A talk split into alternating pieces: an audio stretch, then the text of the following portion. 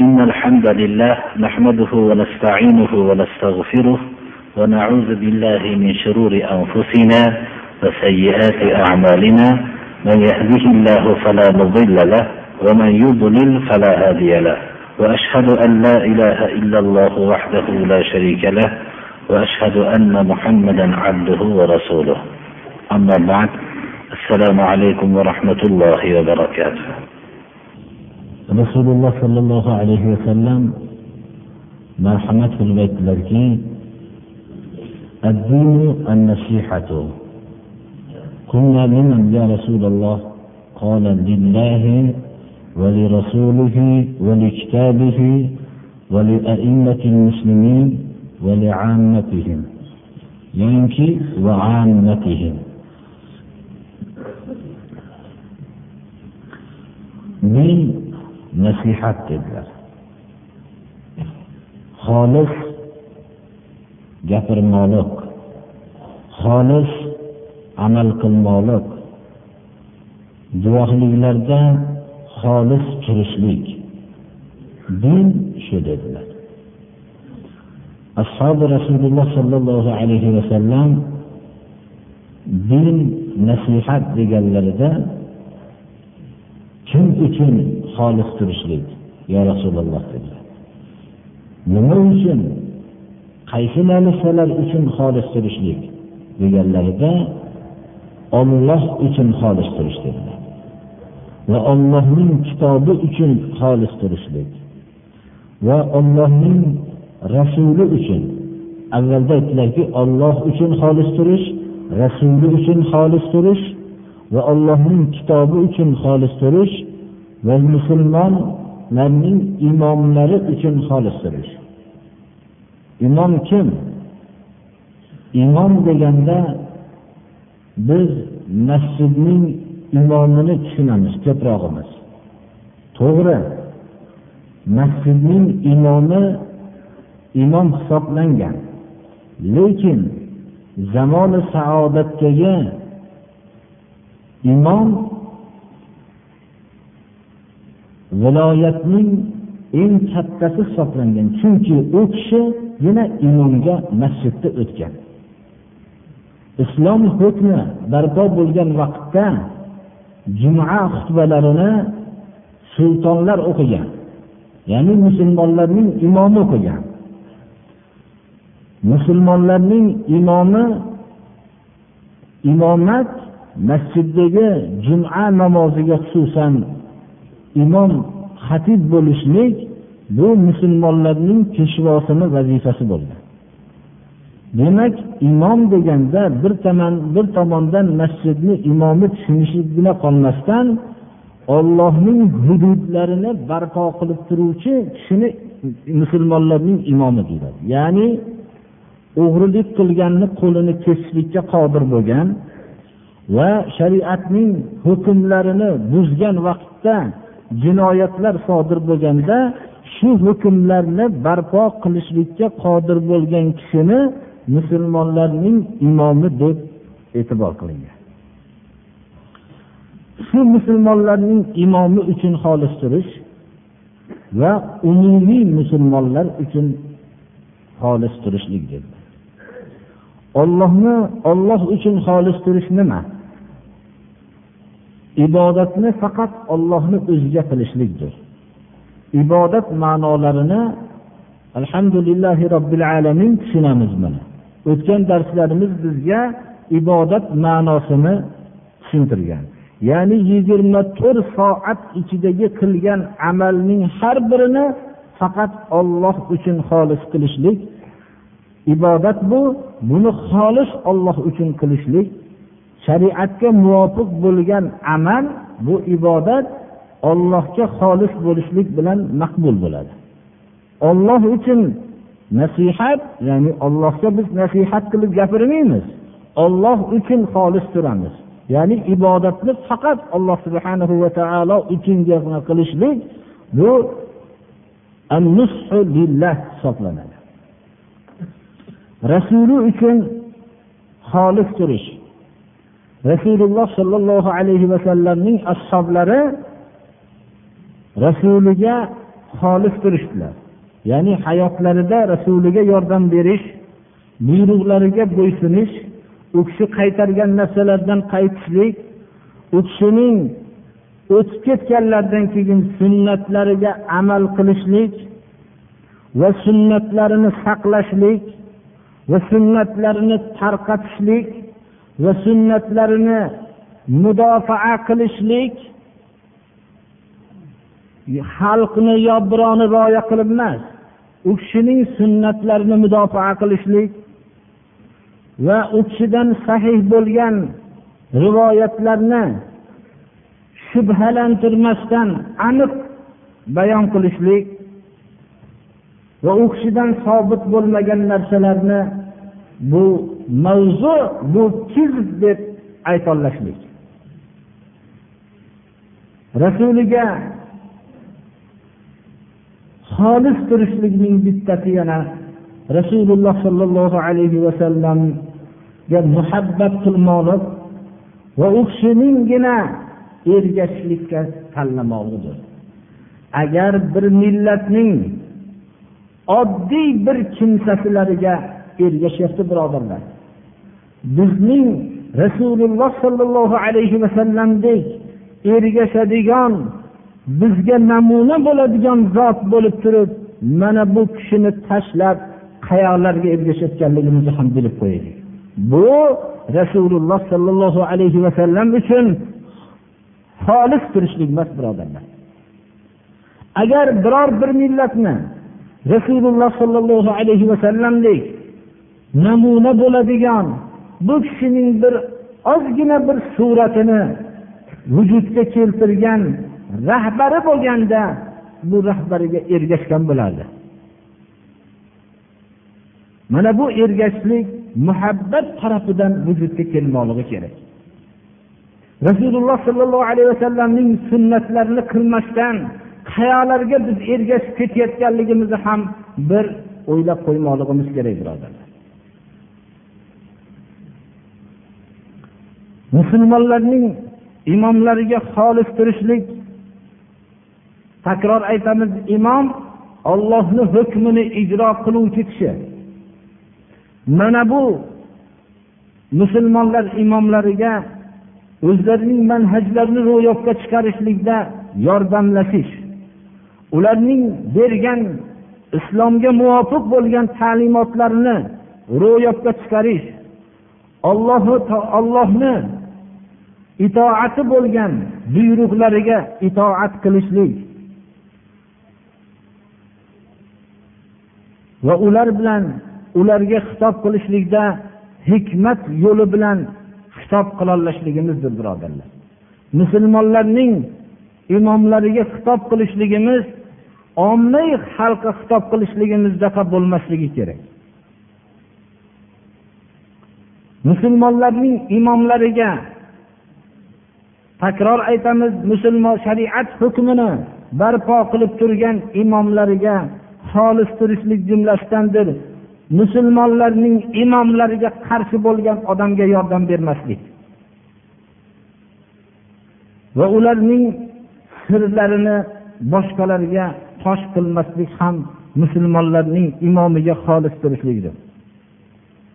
Ommaviy musulmonlarga xolis turishlik ularning adashgan kishilarini haq yo'lni ularga ko'rsatish johillariga ta'lim berish muhtojlariga ma'naviy muhtoj moddiy muhtoj bo'lgan kishilarga yordam berish ularga amri ma'ruf nahiy munkarni barpo qilishlik va ularga ommai musulmonlarga takror aytamiz musulmon bo'lgan ommaga kelayotgan yaxshilikka yordam berishlik ularga kelayotgan zararlarni daf qilishlik barobarki bu zarar ularning dinlariga kelayotgan bo'lsin yoyinki dunyolariga kelayotgan bo'lsin. Mana bu din nasihatdir degan so'zning qisqacha bir ma'nosidir birodarlar. Din nasihat. Bir odam shu amallarni qilgan bo'lsa olloh uchun rasuli uchun ollohning kitobi uchun va hamda musulmonlarning imomlari uchun va musulmonlarning ommalari uchun xolis tura olsa u dindorman deb davo qilsa bo'ladi birodarlar. Hammamiz ham odamlarning hidoyatiga harismiz. Rasululloh sollallohu alayhi vasallamning yo'liga ergashgan har bir kishi ommaviy xalqning hidoyatiga haris bo'ladi. Har bir kishini ollohni yo'lida bo'lishligiga orzu qiladi. Rasululloh sollallohu alayhi vasallamga alloh subhanahu va taolo o'zining kalomida aytdiki odamlarning ko'pi har qancha haris bo'lsangiz ham iymon keltiruvchi bo'lmaydi dedi إنك لا تهدي من أحببت ولكن الله يهدي من يشاء وهو أعلم بالمهتدين siz yaxshi ko'rgan kishingizni hidoyat qila olmaysiz olloh o'zi xohlagan kishilarni hidoyat qiladi olloh hidoyat topishlikka sazovor bo'lgan kishilarni o'zi biluvchiroqdir Agar hidoyat insonning qo'lida bo'lganda o'zi yaxshi ko'rgan kishilarni hidoyat qilib olgan bo'ladi.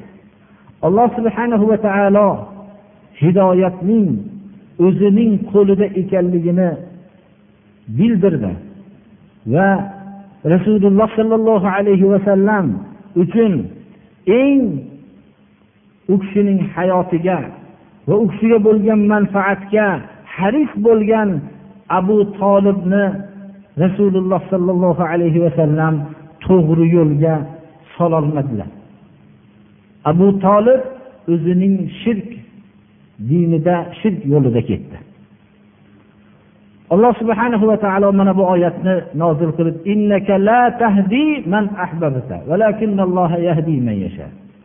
alloh subhanahu va taolo mana bu oyatda siz yaxshi ko'rgan odamingizni hidoyat qila olmaysiz.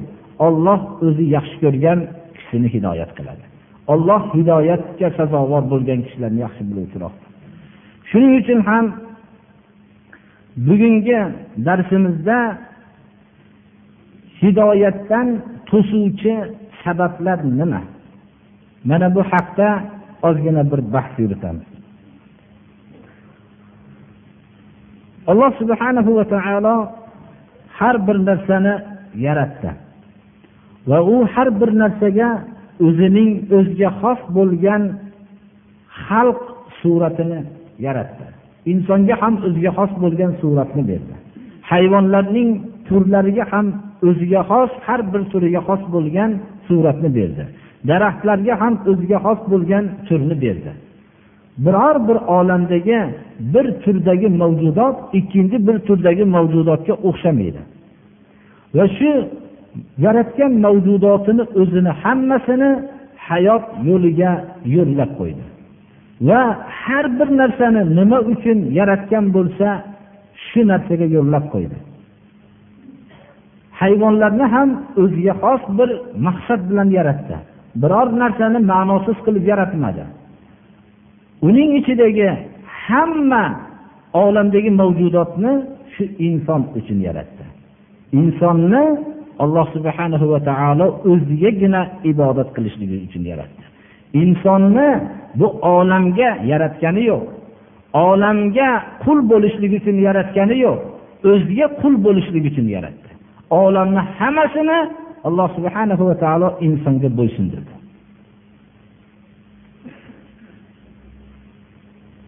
Shuning uchun alloh subhana va taolo insonni o'zigagina ibodat qilishlik uchun yaratar ekan unga hidoyat yo'li nima zalolat yo'li nima ekanligini ko'rsatib qo'ydi. Va hidoyatning monelarini o'zining kalomida yod qildi. Va alloh subhanahu va taolo mana bu hidoyatdan to'sadigan narsa hidoyatdan to'sadigan sifatlar topilganda odamlarni hidoyat qilmasligini e'lon qildi. Qur'oni karimda alloh subhana va taolo ba'zi o'rinlarda kofir toifalarni Alloh hidoyat qilmaydi alloh subhanahu va taolo zolim toifalarni hidoyat qilmaydi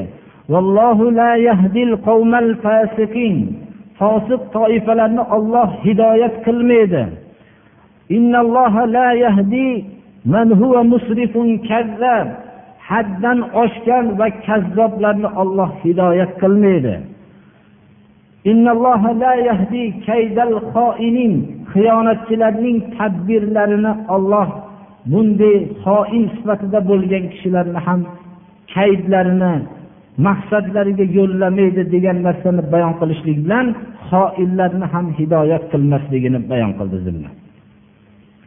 demak biz shu yerda qisman hidoyatning yo'lini to'suvchi to'siqlar bilan qisman shug'ullanamiz alloh subhanahu va taolo sura baqarada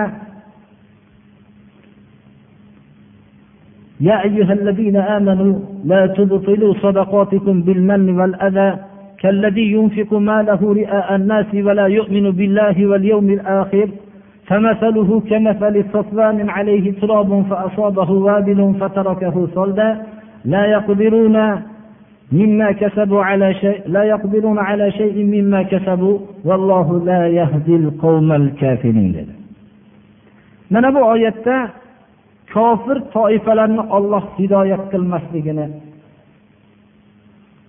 xohladi takror aytamiz alloh subhanahu va taolo hidoyatni yalinib beradigan narsa qilmadi. Kufr sifati topilgan toifani hidoyat qilmaslikni u kofir bo'lishlikka rag'bat qilib kofir bo'lgan toifalarni hidoyat qilmasligini bayon qildi. Oyatning avvalida kufrga olib boruvchi sifatlarni bayon qilib ey iymon keltirgan kishilar o'zinglarning sadaqotlaringlarni minnat va ozor bilan bekorga chiqarmanglar dedi. Demak bergan sadaqotlarni minnat va berilgan kishiga bo'lgan ozor hammasini botil qiladi deb e'lon qildi. Bu tamsilni bu botil bo'lishligini misol bilan ko'rsatdi. Odamlarga riyo bilan sarf qilgan odamga o'xshagan. Demak riyokorlik bilan molini sarf qilgan odamning ham sadaqoti botil ekanligini bayon qildi. Va uni ollohga va qiyomat kuniga iymon keltirmagan kishi dedi.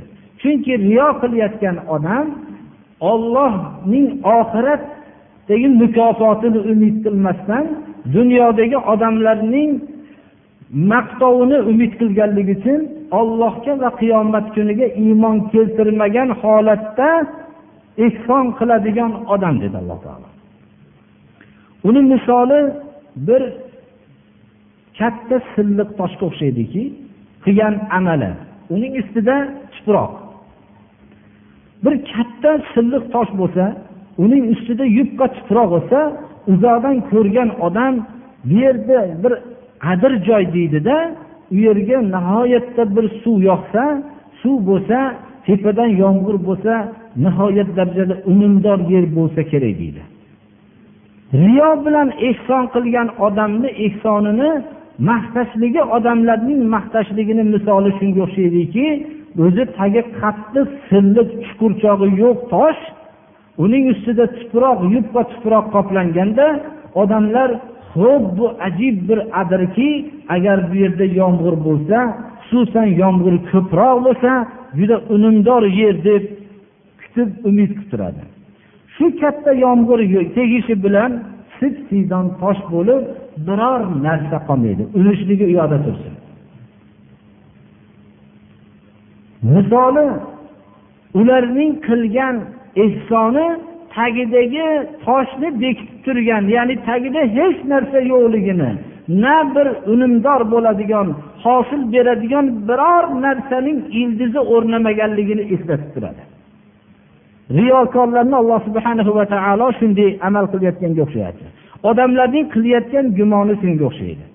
Mana bu toifalarni alloh subhanahu va taolo bunday odamlarni haq yo'lga hidoyat qilmaydi deb vallohu la yahdil qavmal kafirin deyapti. Demak minnat va qilingan sadaqotlarga ozor bergan kishilar riyo bilan qilgan odamlarni alloh subhanahu va taolo ollohga va qiyomat kuniga ishonmagan odamlar. Ular ollohning mukofotiga qiyomat kunida beriladigan katta mukofotga ishonishmaydi balki odamlarning maqtovi ularga undan ko'ra afzalroq odamlar. Bunday odamlarni alloh subhanahu va taolo haqiqat yo'liga hidoyat yo'liga yo'llamaydi demak minnat ozor va riyo insonni haq yo'lga yo'llanishligidan tashqariga olib qo'yadi. Shuning uchun ham xalqlar o'rtasida haq so'zni qabul qilmayotgan odamlarning aksarini tekshiring hammasi riyokor va hamda o'zining amalini hammasini minnat va ozor bilan qilayotgan kishilardir. Chunki ular qilayotgan sadaqotidan odamlarni o'ziga qul qilib olishlikni xohlaydi. Yoyinki odamlar ularning ikkinchi xotam deb nom chiqarishligini xohlaydida bu odamlarni aksarlarini ko'ring moli davlatlarni ko'plarini sarf qilishligi bilan alloh subhanahu va taoloning haqiqat yo'lidan mahrum bo'lib yashaydi. Va shu haqiqat so'zi chiqishligi bilan ular shu so'zdan uzoqlashib boradi. Herakl rumni podshohi abu sufyonga o'nta savol qildi. Shu o'nta savoldan bittasi rasululloh sollallohu alayhi vasallamni haqida xabarni eshitib shu odam shu kishi haqida men bir ma'lumotlarni olsam tanigan odamlarni bilsam deb rum viloyatiga kelgan qurayshdan kelgan savdogarlarning bir nechtasini olib kelib oldiga eng muhammad alayhissalomni tanigan kishilardan talab qilganda abu sufyon qarindoshligini va yaqinligini aytdi. U shirk holatida edi u vaqtda mushrik edi. Shunda qator o'tkazib savol qildi o'nta savol shundan bitta savoli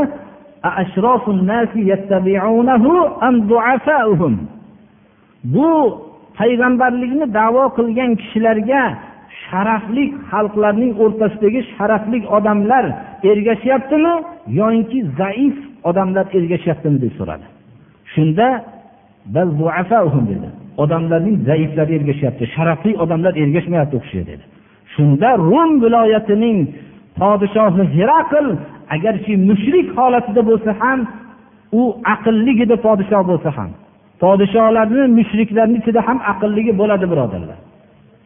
Bunga ajablanmang podshoh bo'lsa ham aqlli degan gapga ishonavering ya'ni mushriklarni ichida aqlli podshohlari ham bo'ladi lekin hidoyat yo'liga nasib bo'lmaydi. Mana shunday dedi. Payg'ambarlarga ergashadigan kishilar shu zaiflar bo'ladi dedi. Chunki payg'ambarlar zaif xalqlarning qalbidagi maqsadini olib keladi.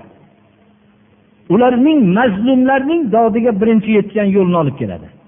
Shuning uchun ham haq qayerda chiqdi desangiz atrofiga zaiflar yig'ilgan bo'ladi. Sharafli odamlar ular olimlar o'zining maqsadi bilan yurishligini xohlashadi. Ular qilayotgan ehsonlari bilan olimlar ham shu ehsonga qarab gapirishlari kerak deydi. Siz qovun purishisiz masalani qovundan qilib berish kerak. Siz kosib bo'lsangiz masalani kosiblikdan qilib berish kerak. Siz boshqa bir hunarmand bo'lsangiz sizni eshigingizda shu hunarmand odam sakkizta jannatning xohlagan darvozasidan kirib ketishligini bayon qilib berish kerak. Mana bu narsa ularga sharafli odamlarga yoqadi. Abu hozim qattiq gapirishdi. Sulaymon ibn abdul malikni huzurida qattiq so'zlarni gapirdilar. Ayni rahmatulloh. Vaidlarni gapirganda ollohni rahmati qayerda qoldi. Ollohni rahmatidan ham gapiring dedi. Ollohni rahmati yaxshi bo'lsangiz muhsin sifatida bo'lsangiz u yaqin dedi. Uni eshitmay qo'yavering siz ollohni vaidini eshiting dedi. Shuning uchun ham mana bu oyatda bilaylikki olloh bunday kofir qavmlarni hidoyat qilmaydi deyapti. Siz bunga tang bo'lmang. Qaysi odam riyokor bo'lsa qaysi odam minnatli bo'lsa qaysi odam ehsoniga ozor bersa bu odamga haqni aytaverasiz ta'sir qilmaydi. Olloh hidoyat qilmaydi. Hidoyatni unday minnat ozor riyokorga ham beraveradigan narsa qilmadi alloh taolo. Ikkinchi kofir jamoalarni olloh hidoyat qilmaydi degan oyat surai moidada لكفرنا عنهم سيئاتهم ولأدخلناهم جنات النعيم. ولو أنهم أقاموا التوراة والإنجيل وما أنزل إليهم من ربهم لأكلوا من فوقهم ومن تحت أرجلهم. منهم أمة مقتصدة وكثير منهم فاسقون. يا أيها الرسول بلغ ما أنزل إليك من ربك وإن لم تفعل فما بلغت رسالته. والله يعصمك من الناس. إن الله لا يهدي القوم الكافرين. alloh subhanahu va taolo ahli kitoblarni iymon keltirishganda deyapti. Ahli kitoblar ollohni bor deyishardi. Ahli kitoblar koinoti yerni olloh yaratgan deyishardi. Ahli kitoblar olloh o'ldiradi olloh tiriltiradi deyishardi. Ahli kitoblar olloh rizq beradi deyishardi. Ahli kitoblar koinoti yerni olloh boshqaradi deyishardi. Lekin ularni alloh taolo mo'min demayapti. Nima uchun? Ibodatni faqat ollohni o'ziga qilmaganliklari uchun. Mana bu oyat agar ahli kitoblar iymon keltirishganda iymon keltirishgani yo'q ular deyapti alloh agar taqvo qilishganda ularning xatolarini kechirgan bo'lardik va ularni jannoti naimga kirgizgan bo'lardik. Agar ular tavrotu injilni barpo qilishganda ular tavroti injilni o'qishadi xolos. Ular barpo qilishmaydi hayotda amalini barpo qilishmaydi. Agar barpo qilishganda robbilari tarafidan tushirilingan qur'onni barpo qilishganda ular tepa taraflardan ham ostlardan ham yonlardan hamma tarafdan taomlanishgan bo'lardi. Ya'ni barakot ularga yog'ilib ketgan bo'lardi. Alloh subhanahu va taolo mana bu oyatdan keyin ey payg'ambar o'zingizga rabbiz tarafidan tushirilingan narsani yetkazing dedi. Ya'ni qur'oni karimni yetkazing. Agar qur'onni yetkazmasangiz ollohni risolatiki faqat shuning uchun siz hayot sizga berildi risolatni yetkazmagan bo'lasiz.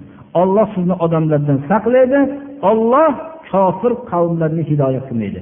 Siz yetkazing kofirlarni olloh hidoyat qilmaydi. Chunki hidoyat qalbning yaliga borib bu yerda kufr bo'lsa bu yerda u kufr bilan hidoyat jamlanmaydi birodarlar. Shuning uchun mana bu oyatni tafsirida ummul mo'minin oysha roziyallohu anhodan rivoyat qilinadiki rasululloh sollallohu alayhi vasallam bir kechada bedor bo'ldilar ya'ni uxlolmadilar shunda so'radimki deydilar oysha onamiz ya rasululloh uxlolmayapsiz dedim.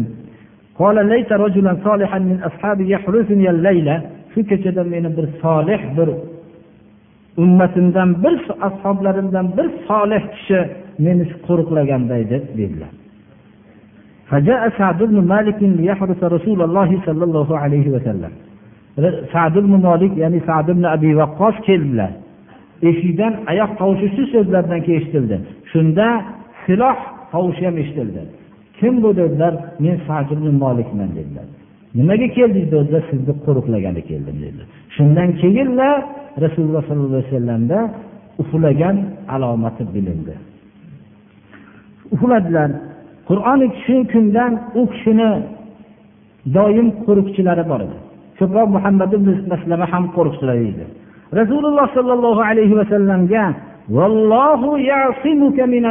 olloh sizni odamlardan saqlaydi oyati nozil bo'lganda shu oyat kechasida nozil bo'lgan. Shunday o'zlarining hujralaridan shunday boshlarini chiqardilarda ey odamlar olloh meni himoyasiga oldi ketinglar de oldimdan dedilar. Shu kundan boshlab nechi yil yashagan bo'lsalar birorta yer kurrasida hamma dushman bu kishini yo'qotishlikka harakat qildi. Olloh mana shu oyatda o'zi himoyasiga olishligini va'da qildi. Olloh saqladi. Vahiyga payg'ambarlar shunday ishonishganlar. Demak bu oyatdan yuqoridan bizga ma'lum bo'lyaptiki alloh subhanahu va taolo tushirgan qur'onni barpo qilmaslik uni hayotda barpo qilishlikka harakat qilmaslik bizdan hidoyatni to'sib qo'yadi birodarlar. Qur'oni karim bizga olloh kofir qavmlarni hidoyat qilmaydi deyapti. Uchinchi oyat surai moidani إن عدة الشهور عند الله اثنا عشر شهرا في كتاب الله يوم خلق السماوات والأرض منها أربعة حرم ذلك الدين القيم. فلا تظلموا فيهن أنفسكم آية آخرة bu betda kufr oyatining oxirida vallohu la yahdil qavmal kafirin kofir qavmlarni alloh taolo hidoyat qilmaydi shu oyatdan biz yuqoridagi oyatdan bilamizki nasiy oylarni o'zgartirish alloh subhanahu va taoloning hukmini o'zgartirish. Mana bu nasiy kunlari ya'ni shahril haromda shahril haromga ba'zi kunlarni qo'shib va zulhijjadan uni olib tashlashib xullas oylarga nisbatan kunlarni o'zgartirish bu kufrni ziyoda qilish ekanligini alloh subhanahu va taolo bayon qilib mana bu oyatda ollohni hukmlarini o'zgartirgan kishilarni olloh hidoyat qilmaydi deyapti. Shuning uchun ham biz ollohni hukmlarida o'zgartirish kirgizib qo'ymasligimiz kerakki kufrga olib boradida va allohning hidoyatidan mahrum bo'ladi. Ba'zi bir odamlardan eshitiladiki bu albatta dinsiz odamlardan deymiz. Ro'za ham bu odamga foydasi katta. Bu ruhiy bir riyozatga kiradi. Insonni bu jismiga salomat bo'ladi. Shuning uchun ham ro'za tutishimiz kerak degan so'zlar birodarlar bu kufrdir. Biz ro'zani jismimizni salomat bo'lishligi uchun tutmaymiz. Biz ro'zani alloh subhana va taolo bizga farz qilganligi uchun tutamiz. Ollohni buyrug'i deb tutamiz. Yoyinki namoz ham bu jismoniy bir mashq. Shuning uchun bu jismoniy mashq bo'lgandan keyin boshqa jismoniy mashqlar chiqdi hozir. Uni o'rniga deb aytgan odamlar bu kufrdir bu narsa. Alloh subhana va taolo mana bu hajni farz qildi. Haj ham bir sayohat. Buni boshqa bir sayohatlar ham chiqdi. Mana bu narsa o'rnini bosaveradi deb aytishlik bu narsalar kufrdir bu. Alloh subhana va taolo bunday kofir odamlarni bunday kufr kalimalari bilan bo'lgan odamlarni hidoyat qilmaydi. Har qancha siz unga haqni gapiring. Biz unga yetkazishlik bilan o'zimizni vazifamizni o'taymiz. Mana bu oyatdan keyin alloh subhana va taolo kofir qavmlarni hidoyat qilmaydi deganligi ollohni hukmlariga tag'yir berishlik bu narsa kufrdir. Oyatlarda zolim qavmlarni olloh hidoyat qilmaydi degan biz zulmning albatta shirk eng katta zulm shirk eng katta zulmdir. Alloh taolo mushriklarni hidoyat qilmaydi. Undan tashqari sura baqarada ibrohim alayhissalom hujjatlashgan kishini zikri kelgandan keyin shunda alloh subhanahu va taolo zolimlarni hidoyat qilmaydi kalima shu yerda keladi. Zulm nima? Bu oyat shunga dalolat qiladiki alam tara ilallazi hajja fi ibrohima an atahu fi robbihi an atahu allohul mulk oyatidan bizga ma'lum bo'ladiki bir odam rob taoloning sifatlaridan bittasini o'ziga davo qilishligi bu zulmdir. Eng katta zulmdir. Bu zulm sodir bo'lishligi bilan hidoyat yo'li to'siladi. Bu ibrohim alayhissalom bilan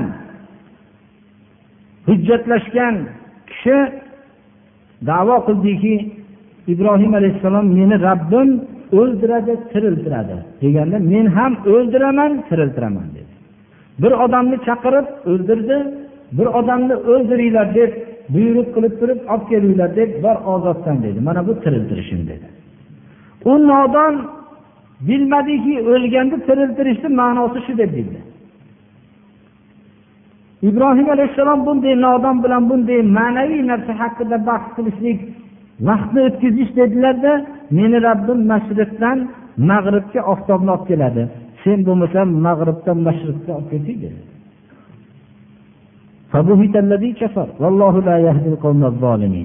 Shunda kofir indamay qoldi. Ana bunday rab taoloning sifatini davo qilganlarni alloh taolo zolim deyapti. Bularni hech qachon hidoyat qilmaydi alloh taolo. Ikkinchi sura oli imronda alloh taolo vallohu la yahdil islomdan boshqa yo'lni o'zlariga yo'l qilib olganlardan olloh qabul qilmaydi. Olloh bular qiyomat kunida eng ziyonkorlardan iymonlaridan keyin ollohni yo'lini qo'yib boshqalarni yo'lini tanlagan kofirlarni qanday hidoyat qiladi ular rasul haq deb guvohlik berishgan va ularga ochiq hujjatlar kelishgan. Olloh ba'zi kishilar olloh haq deb iymon keltirishadi. La ilaha illalloh deyishadi. Muhammadu rasululloh deb rasululloh sollallohu alayhi vasallamni haq deyishadi.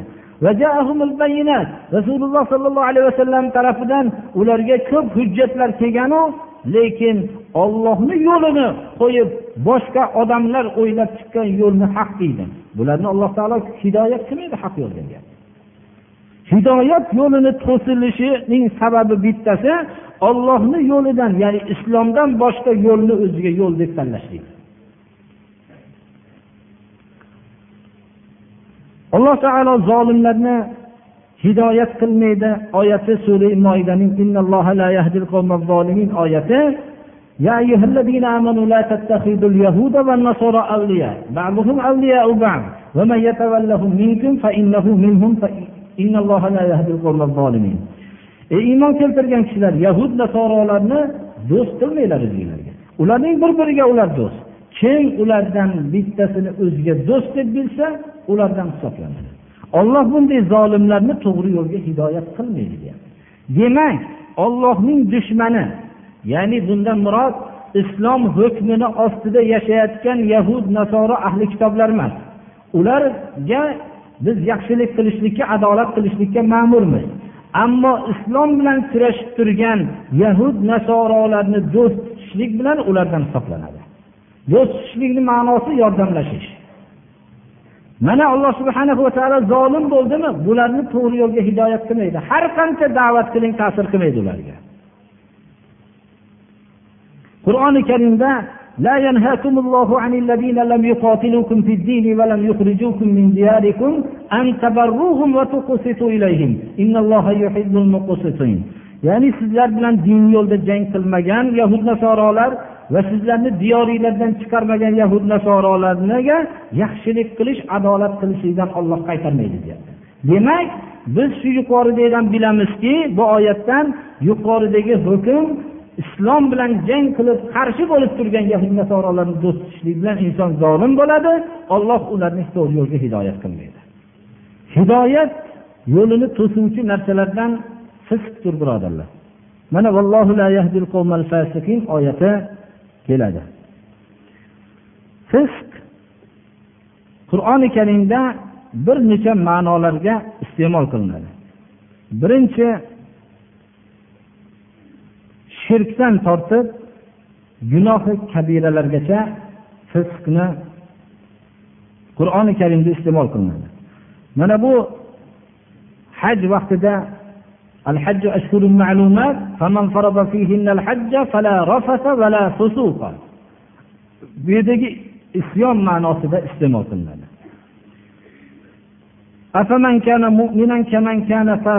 oyatida kufr ma'nosida iste'mol qilinadi shirk kufr ma'nosida iste'mol qilinadi mo'min bo'lgan bilan fosiq bo'lgan barobarmi ular hech qanday barobar emas fisq yana kufrdan pastroq gunohlarga ham iste'mol qilinadi qur'oni karimda وحبب إليكم الإيمان وزينه في قلوبكم وكره إليكم الكفر والفسوق والعصيان kufrdaga atf qilinishligi mug'oyaratni talab qiladida fusuq demak kufrdan pastroq gunohlar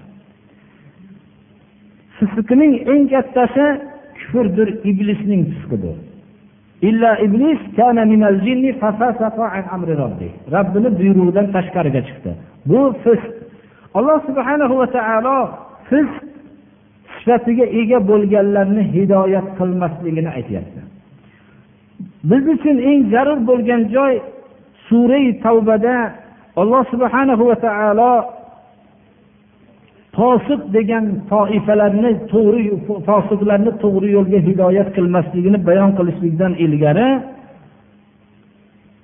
ayting ey muhammad alayhissalom agar ota onanglar farzandinglar aka ukanglar ayolinglar qarindosh urug'inglar va topib turgan moli davlatinglar va sizlar kasad bo'lib qolarmikin deb tashvish qilib turgan tijoratinglar va o'zinglar rozi bo'lib ixtiyor qilgan hovli joyinglar mana bu sakkizta narsani tarozini bir pallasiga qo'ydi. Hayotdagi eng insonga o'ziga haq yo'ldan to'sadigan sakkizta narsa. Agar hayotdagi hamma narsani sanasak mana sakkizta narsaga cheklanadi. Va tarozining ikkinchi pallasiga olloh rasuli va ollohning yo'lidagi jihodni qo'ydi. Ollohni hukmidan qaytaradigan ham yo ota ona yo farzand yoyinki aka uka yoyinki ayollar yoyinki qarindosh urug'lar yoyinki topib turgan moli davlatlar yoyinki kasal bo'lib qolarmikin deb tashvish qilib turgan tijorat yoyinki shu joyimdan mahrum bo'lib qolarmikinman degan joylar mana shu sakkizta narsani tarozini bir pallasiga qo'ydi. Va bu ikkinchi pallasiga ollohning muhabbatini rasulini muhabbatini va olloh yo'lidagi kurash jihodni muhabbatini qo'ydi. Qaysi taraf avval avvalgi taraf og'ir kelsa olloh bularni fosiq dedi. Fosiq qavmlarni alloh haq yo'lga hidoyat qilmaydi deydi. Hozirgi vaqtda haq yo'lga kirolmayotganligimizni sababi mana bu sifatlar bizga olloh ollohni rasuli va ollohni yo'lidagi kurashdan suyumli bo'lib ketganidir birodarlar. Olloh bizga bayon qilib qo'ydi. Nima uchun meni hidoyat qilmading deyolmaydi hech kim. Olloh e'lon qildiki bunday fosiqlarni olloh hidoyat qilmaydi deb qo'ydi. Mana bu biz haq yo'lga kirolmayotganligimizning sababi mana shu bo'lsa kerak birodarlar. Ba'zi kishilar haq yo'ldan ota onalarini afzal ko'radi. Ba'zi kishilar farzandlari sababli zalolat yo'liga ketishadi. Ba'zi bir kishilar aka ukalari ba'zi bir kishilar oilalari ba'zi bir kishilar qarindoshlari ba'zi bir kishilar moli davlatlari shu kasbim yurmay qoladi deydi. Tijoratidan qo'rqadi. Ba'zi bir kishilar shu hovli joyni qiynalib soldim shu yerdan men jilib ketib qolaman shekilli murosa qilmasam deydi. Alloh taolo bularni posiq deyapti. Biz bo'yamasligimiz kerak. Falonchi pistonchi qo'ying posiqcha yo boshqa posiq deylik biz. Olloh buni fosiq deyapti. Bularni haq yo'lga hidoyat qilmayman deyapti. Tekshiring hayotingizdagi hamma adashganligingizni tekshiring. Mana shu tarozini pallasi bosib ketyapti birodarlar. Bizning sahobalarda alloh taolo ularning og'izlaridan so'z qilib qo'ymadi bu narsani. Ba'zi sahobalarning dadalari qarshi edi bo'lib ham dadasi oddiy odam emas edi. Makkadagi eng kuchli odamlar edi. Amr ibn al os abdulloh ibn amr ibn al osning dadasi edi abdulloh ibn amr ibn al os musulmon. Amr ibn al os bo'lsa u vaqtda islomni qabul qilmadi. Amr ibn al os quraysh ichida abu sufyondan keyingi o'rinda turardi. Shunday shajoatli misrni keyin islomni keltirib fath qilgan habasistonga najoshiy oldiga musulmonlarni asir qilib olib kelishlik uchun jo'natilgan ham amr ibn os edi. Shu kishini o'g'li edi abdulloh ibn amr ibn os keyin islomni keltirib fath qilgan habasistonga najoshiy oldiga musulmonlarni asir qilib olib kelishlik uchun jo'natilgan ham amr ibn os edi. Shu kishini o'g'li edi abdulloh ibn amr ibn os dadalarining alloh subhanahu va taolo zamoni saodatni qiyomatgacha oyna qilib qo'ydi. Hattoki bizga o'xshagan odamlar aytmasinki dadam nihoyatda u oddiy emas edida kuchli edida bu haq yo'lga qarshi turgani uchun shuning uchun men kuchim yetmadi deyolmasin amr ibn osga bormidi seni dadang deydi. Abdulloh ibn amr ibn osni haq yo'ldan qaytara olmadi. Fathi makkada amr ibn os islomni qabul qildi va islomga katta xizmatlar qilib ketdi. Sahobalarning ichida mana hammamizga hamzatullo abdul muttolib bilan birga uhudda yotgan ikkita qabr bor. Mana bu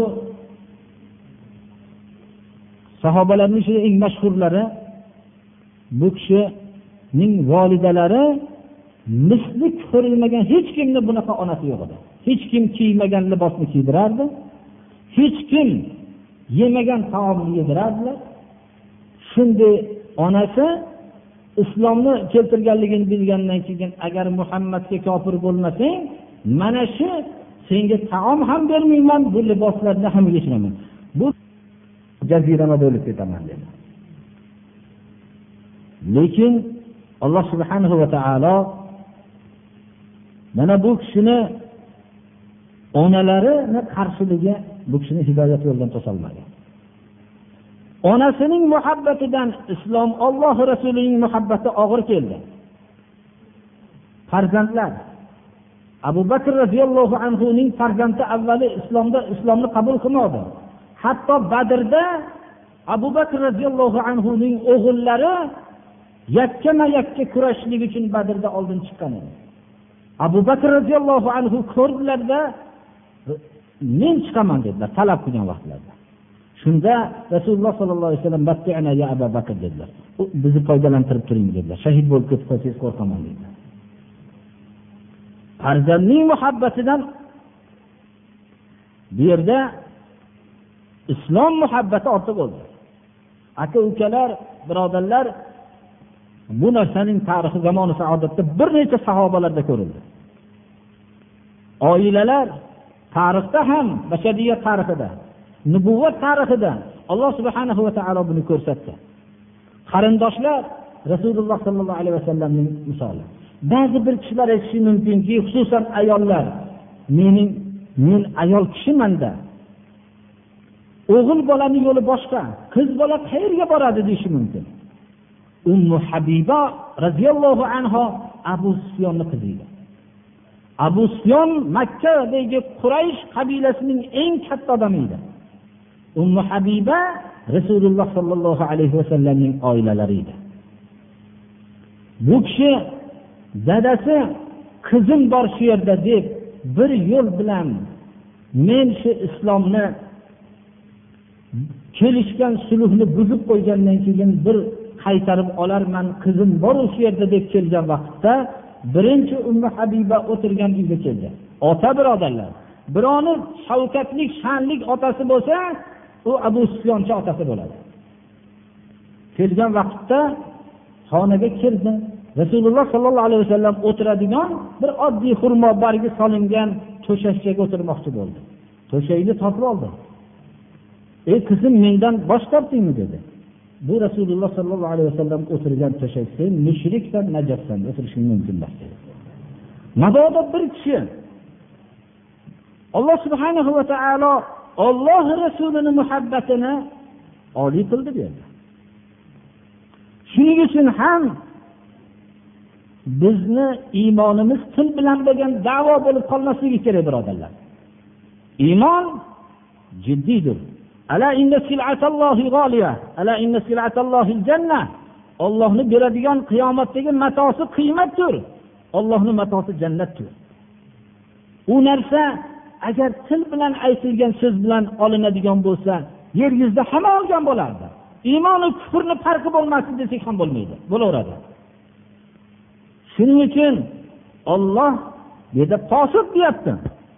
Agar shu tarozining bu pallasida turgan tomon olloh rasuli va ollohning yo'lidagi kurashdan ortiq kelsa o'zingizni boshqalarni qo'ymang posib deng.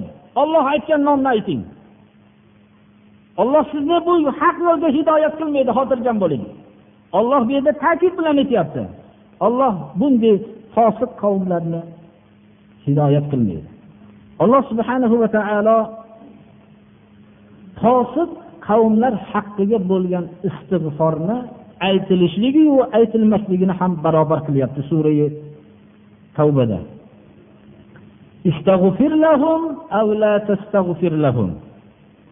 إن تستغفر لهم سبعين مرة فلن يغفر الله لهم ذلك بأنهم كفروا بالله ورسوله والله لا يهدي القوم الفاسقين istig'for ayting bu odamlarni haqqiga yo istig'for aytmang agar yetmish bor istig'for aytsangiz ham olloh ularni kechirmaydi chunki ular ollohga kofir bo'lishgan rasuliga kofir bo'lishgan olloh bunday fosiq odamlarni hidoyat qilmaydi sura munafiqunda سواء عليهم استغفرت لهم أم لم تستغفر لهم لن يغفر الله لهم إن الله لا يهدي القوم الفاسقين nifoqni ham fisq deyapti alloh taolo ya'ni barobarki istig'for ayting ularni haqqiga istig'for aytmang farqi yo'q olloh ularni kechirmaydi chunki olloh fosiq ya'ni munofiqlarni to'g'ri yo'lga hidoyat qilmaydi qalbingizda nifoq bo'lgandan keyin hidoyatdan mahrum bo'lasiz mana bu surai sofda ham وإذ قال موسى لقومه يا قوم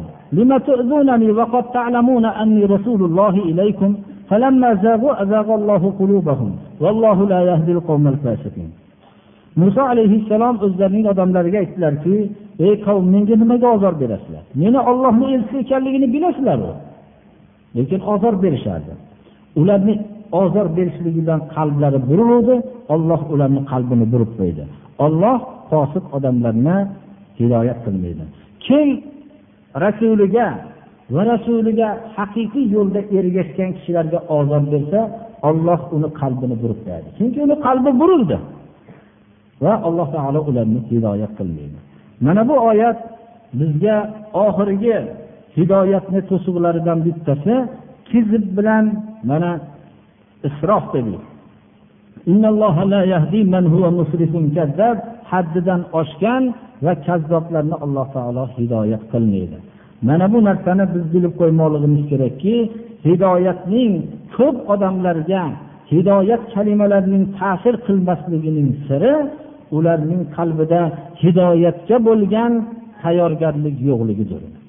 Bu hidoyatni yo'lini to'sadigan narsalar ba'zilari mana bu hozirgi darsimizda bayon qilingan narsalardir.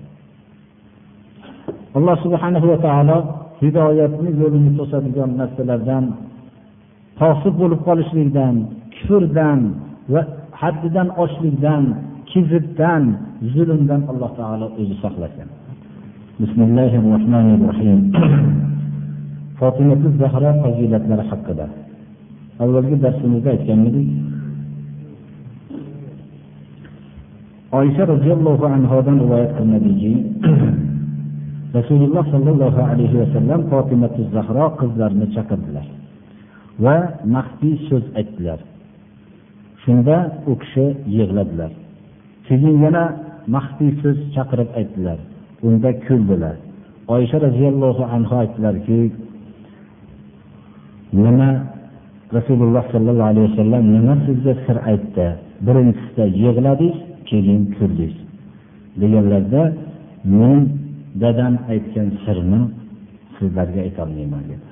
Agar sizlar ham bilishinglar kerak bo'lganda oshkor aytgan bo'lardilar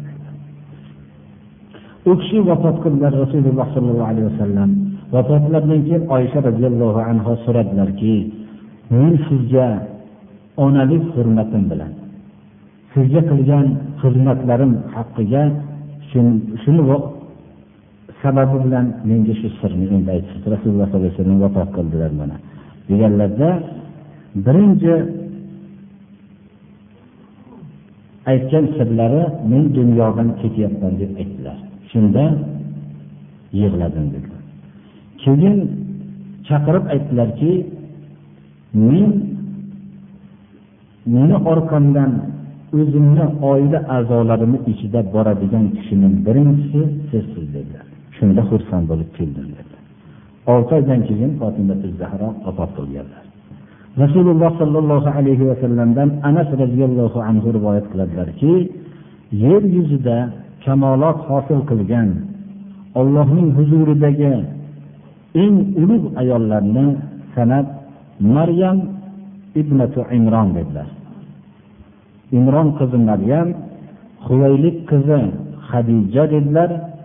va muhammad alayhissalomning qizi fotima va fir'avn ayoli osiya dedilar to'rtta shu ayolni kamolot hosil qilgan ayollardan dedilar rasululloh sollallohu alayhi vasallam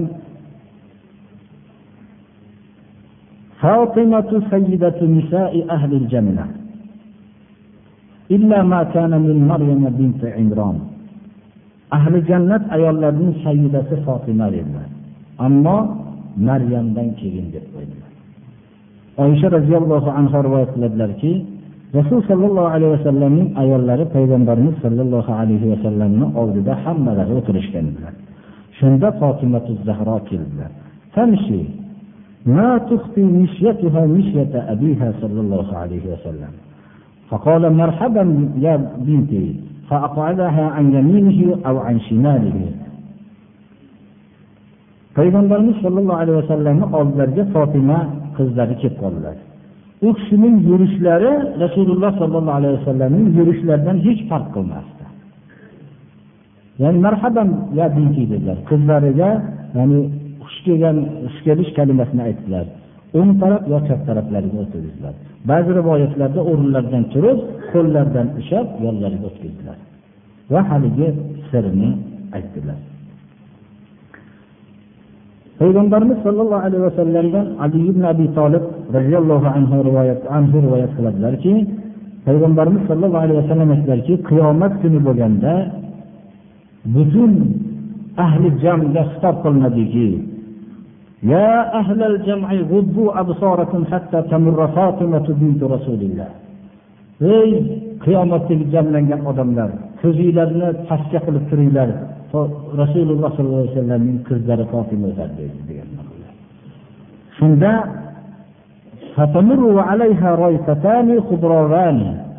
ya'ni ikkita ya'ni tepalariga o'ragan ikki bo'lak katta ro'mol bilan o'tadi dedilar.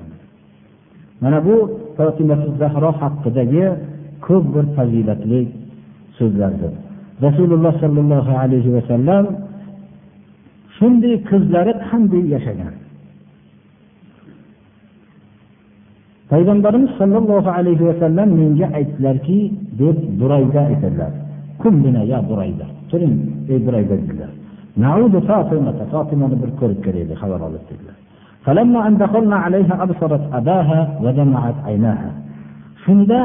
kirganlarida fotimatu zahro dadalari ya'ni rasululloh sollallohu alayhi vasallamni ko'rdilarda ko'zlari yoshlandi. Ey qizim nimaga yig'layapsiz dedilar.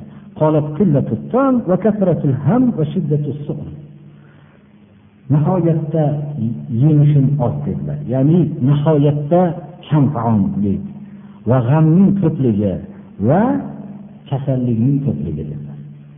Ba'zi rivoyatlarda keladiki fotimatu zahro o'zlarining shu bug'doyni o'zlari shu tegirmon qo'l tegirmoni bilan shuni payg'ambarimiz sollallohu alayhi vasallam xodimani bermaganlar qizlariga.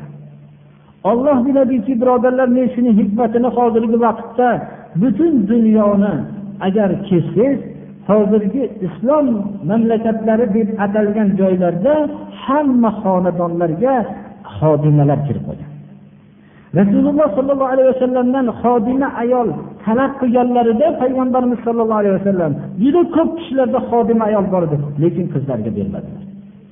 Bu ham ollohni hikmati bo'lgan ekanki mana hozir bir ko'ramizki payg'ambarimiz sollallohu alayhi vasallam qizlariga xodima bermaganda hozir uylarga ular ajnabiya millatlardan xodima ayollarni olishganki bular bilan tarbiyalar buzilib boryapti.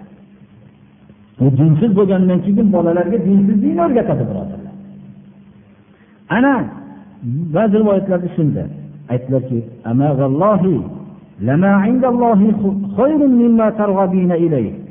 sen rag'bat qilayotgan narsadan ollohni huzuridagi narsa yaxshiroqdir sabr qil dedilar.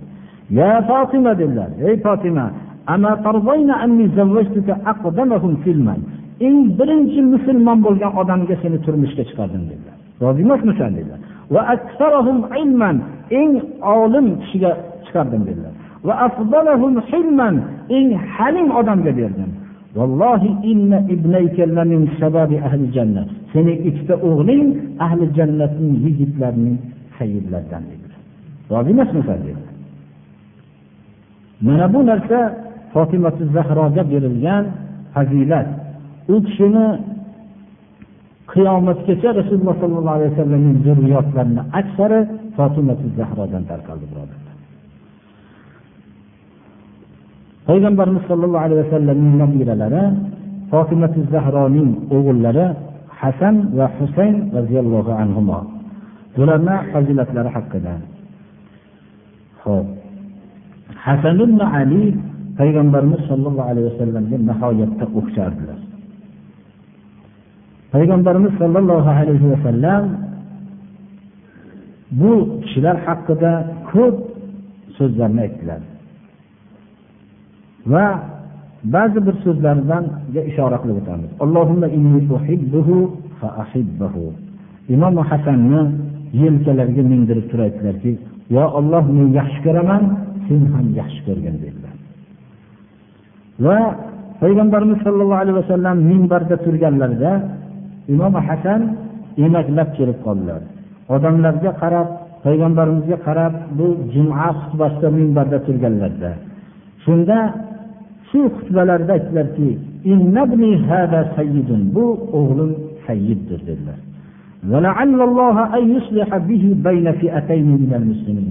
Alloh taolo bu o'g'lim sababli ikkita katta musulmonlar jamoasini o'rtasini isloh qiladi dedilar. Haqiqatda ham ibn abi sufyon o'rtasidagi jamoa bilan hasan ibn alini xalifa qilib tayin qilishganlaridan keyin borib o'rtani sulh degan zot bir necha yillardan keyin shu kishi bo'ldilar. Rasululloh sollallohu alayhi vasallamning mo'jizalaridan bu. Payg'ambarimiz sollallohu alayhi vasallam bular haqida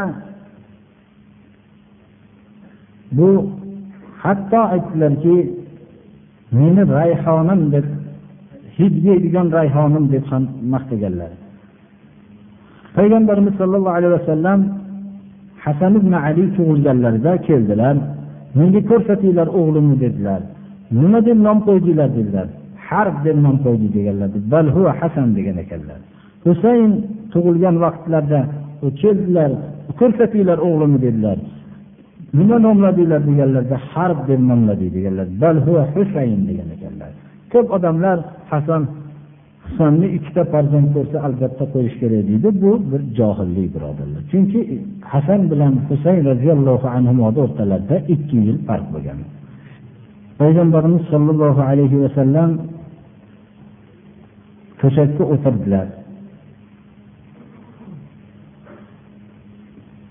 fotimatu zahroni o'ng taraflariga o'tkazdilar ali roziyallohu anhuni chap taraflariga o'tkazdilar hasan va husayn roziyallohu anhuni oldilariga o'tkazdilar va liboslari bilan shunday ikkovlarini o'rab oldilar o'rab إنما يريد الله ليذهب عنكم الرجس أهل البيت ويطهركم تطهيرا deb o'qib qo'ydilar olloh sizlardan nopoklikni ya'ni ahli baytdan nopoklikni ketkazishlikni maqsad qiladi. Ya'ni rasululloh sollallohu alayhi vasallamning xonadonlarida nopoklik bo'lmaydi. Ni olloh o'zi guvohlik beryapti. Nihoyat darajada sizlarni poklashlikni maqsad qiladi deb degan oyatni o'qib qo'ydilar. Payg'ambarimiz sollallohu alayhi vasallam mana qo'llari bilan husayn ibn alini oldilar. Husayn ibn alini qadamlarini o'zlarining qadamlarini ustiga qo'yib ikki qo'lidan ushlab mana bolani erkalatishlikda ikki oyog'iga ikki oyog'ini qo'yib oyog'ini ko'tarib o'ynatadi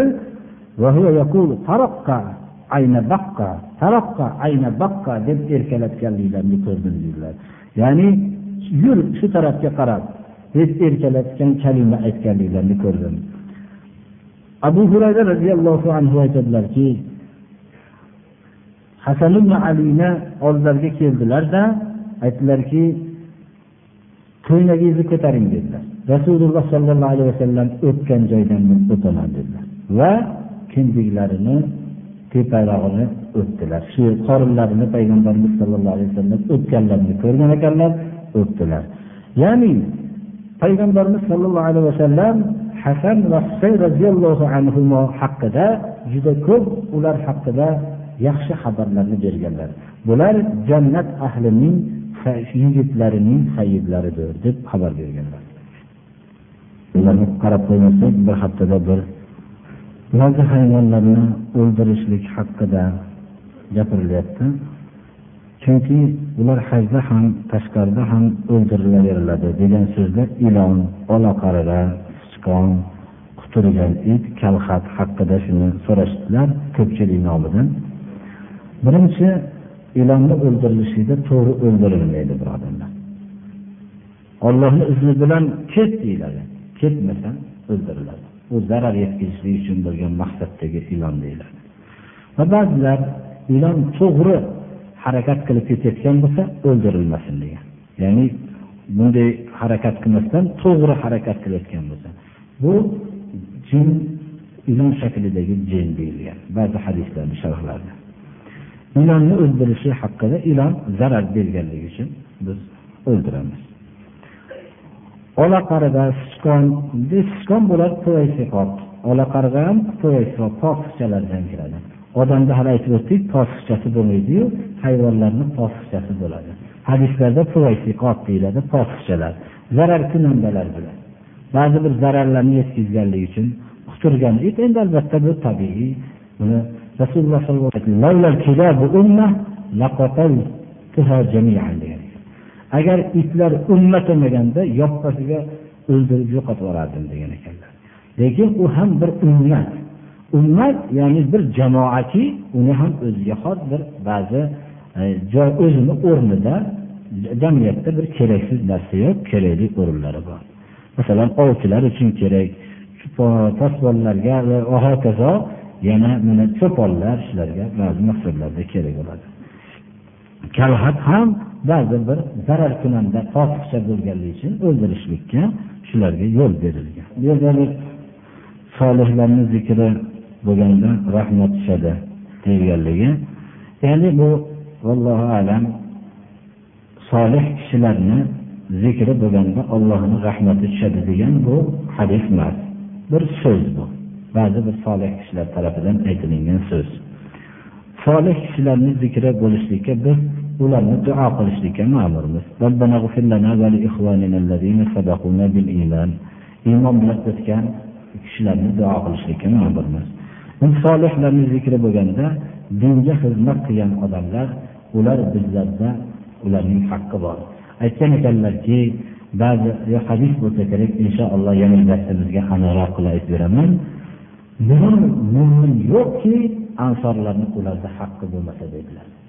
Ya'ni har qanday mo'min odamni ustida madinadagi rasululloh sollallohu alayhi vasallamni kutib olgan ansorlarning haqqi bor bo'lardi shuning uchun biz ularni duo qilishlikka ma'murmiz mana. Solihlarni zikri bo'lganda rahmat tushadiki ularni haqqiga biz rahmat aytsak alloh bizga ham rahmat deydi.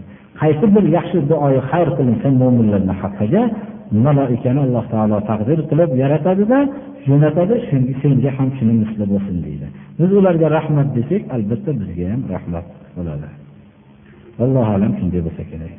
Alloh subhanahu va taolo hammamizni ham haq yo'lda barqaror qilsin hozirgi darsimizga amal qilishlikka alloh tavfiq bersin. O'tgan ajdodlarimizga alloh rahmat qilsin. Qabrlarni jannat bog'chalaridan bir bog'chaga aylantirsin. Gunohlarni mag'firat qilsin. Alloh subhanahu va taolo o'zimizni ham gunohlarimizni mag'firat qilsin ibodatlarimizni alloh qabul qilsin. Zulm kufr shirk kizr va isrof bulardan alloh taolo o'zi saqlasin. Alloh subhanahu va taolo farzandlarimizni solih solihalardan qilsin. Alloh subhanahu va taolo islomga yordam berayotganlarga yordam bersin. Islomga zarar yetkazganlarga alloh taolo kifoya qilsin o'zi.